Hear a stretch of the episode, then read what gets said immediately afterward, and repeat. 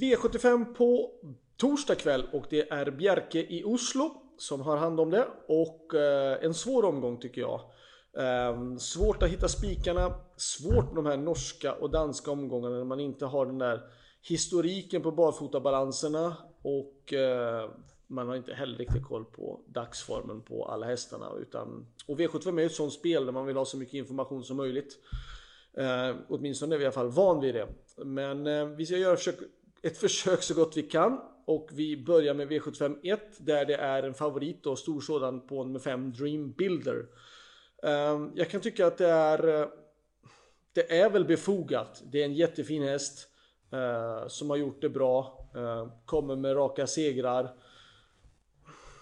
På något får jag dock ändå en känsla av att det kanske är värt att gardera. Typ ta med nummer 4 Oracle Tile och nummer 6 Z Boko.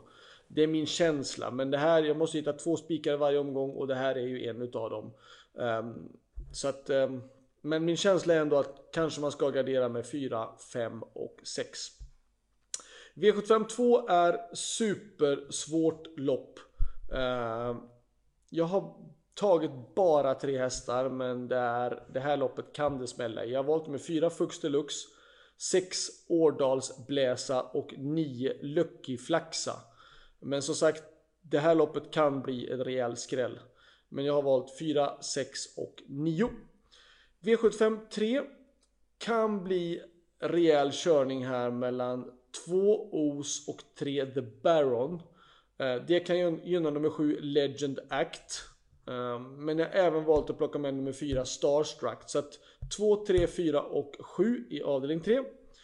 Avdelning 4 då har jag som utgångshästar 2 Grisletore GL och 9 Stumne 4.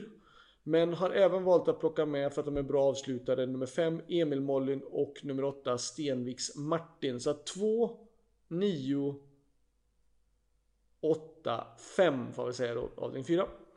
Avdelning 5, 4 Mia Vins, 7 Carlotta, Carlotta och 10 Genie BR och 12 Electric A. Så att 4, 7, 10 och 12.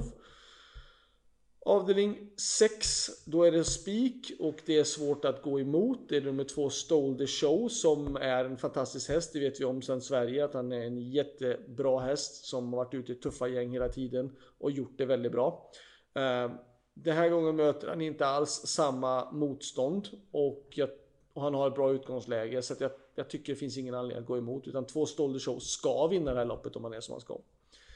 V75 7 eh, Två Falcon 3 May, Maybe Maven 6 Dragonfly och 7 Broadway Don.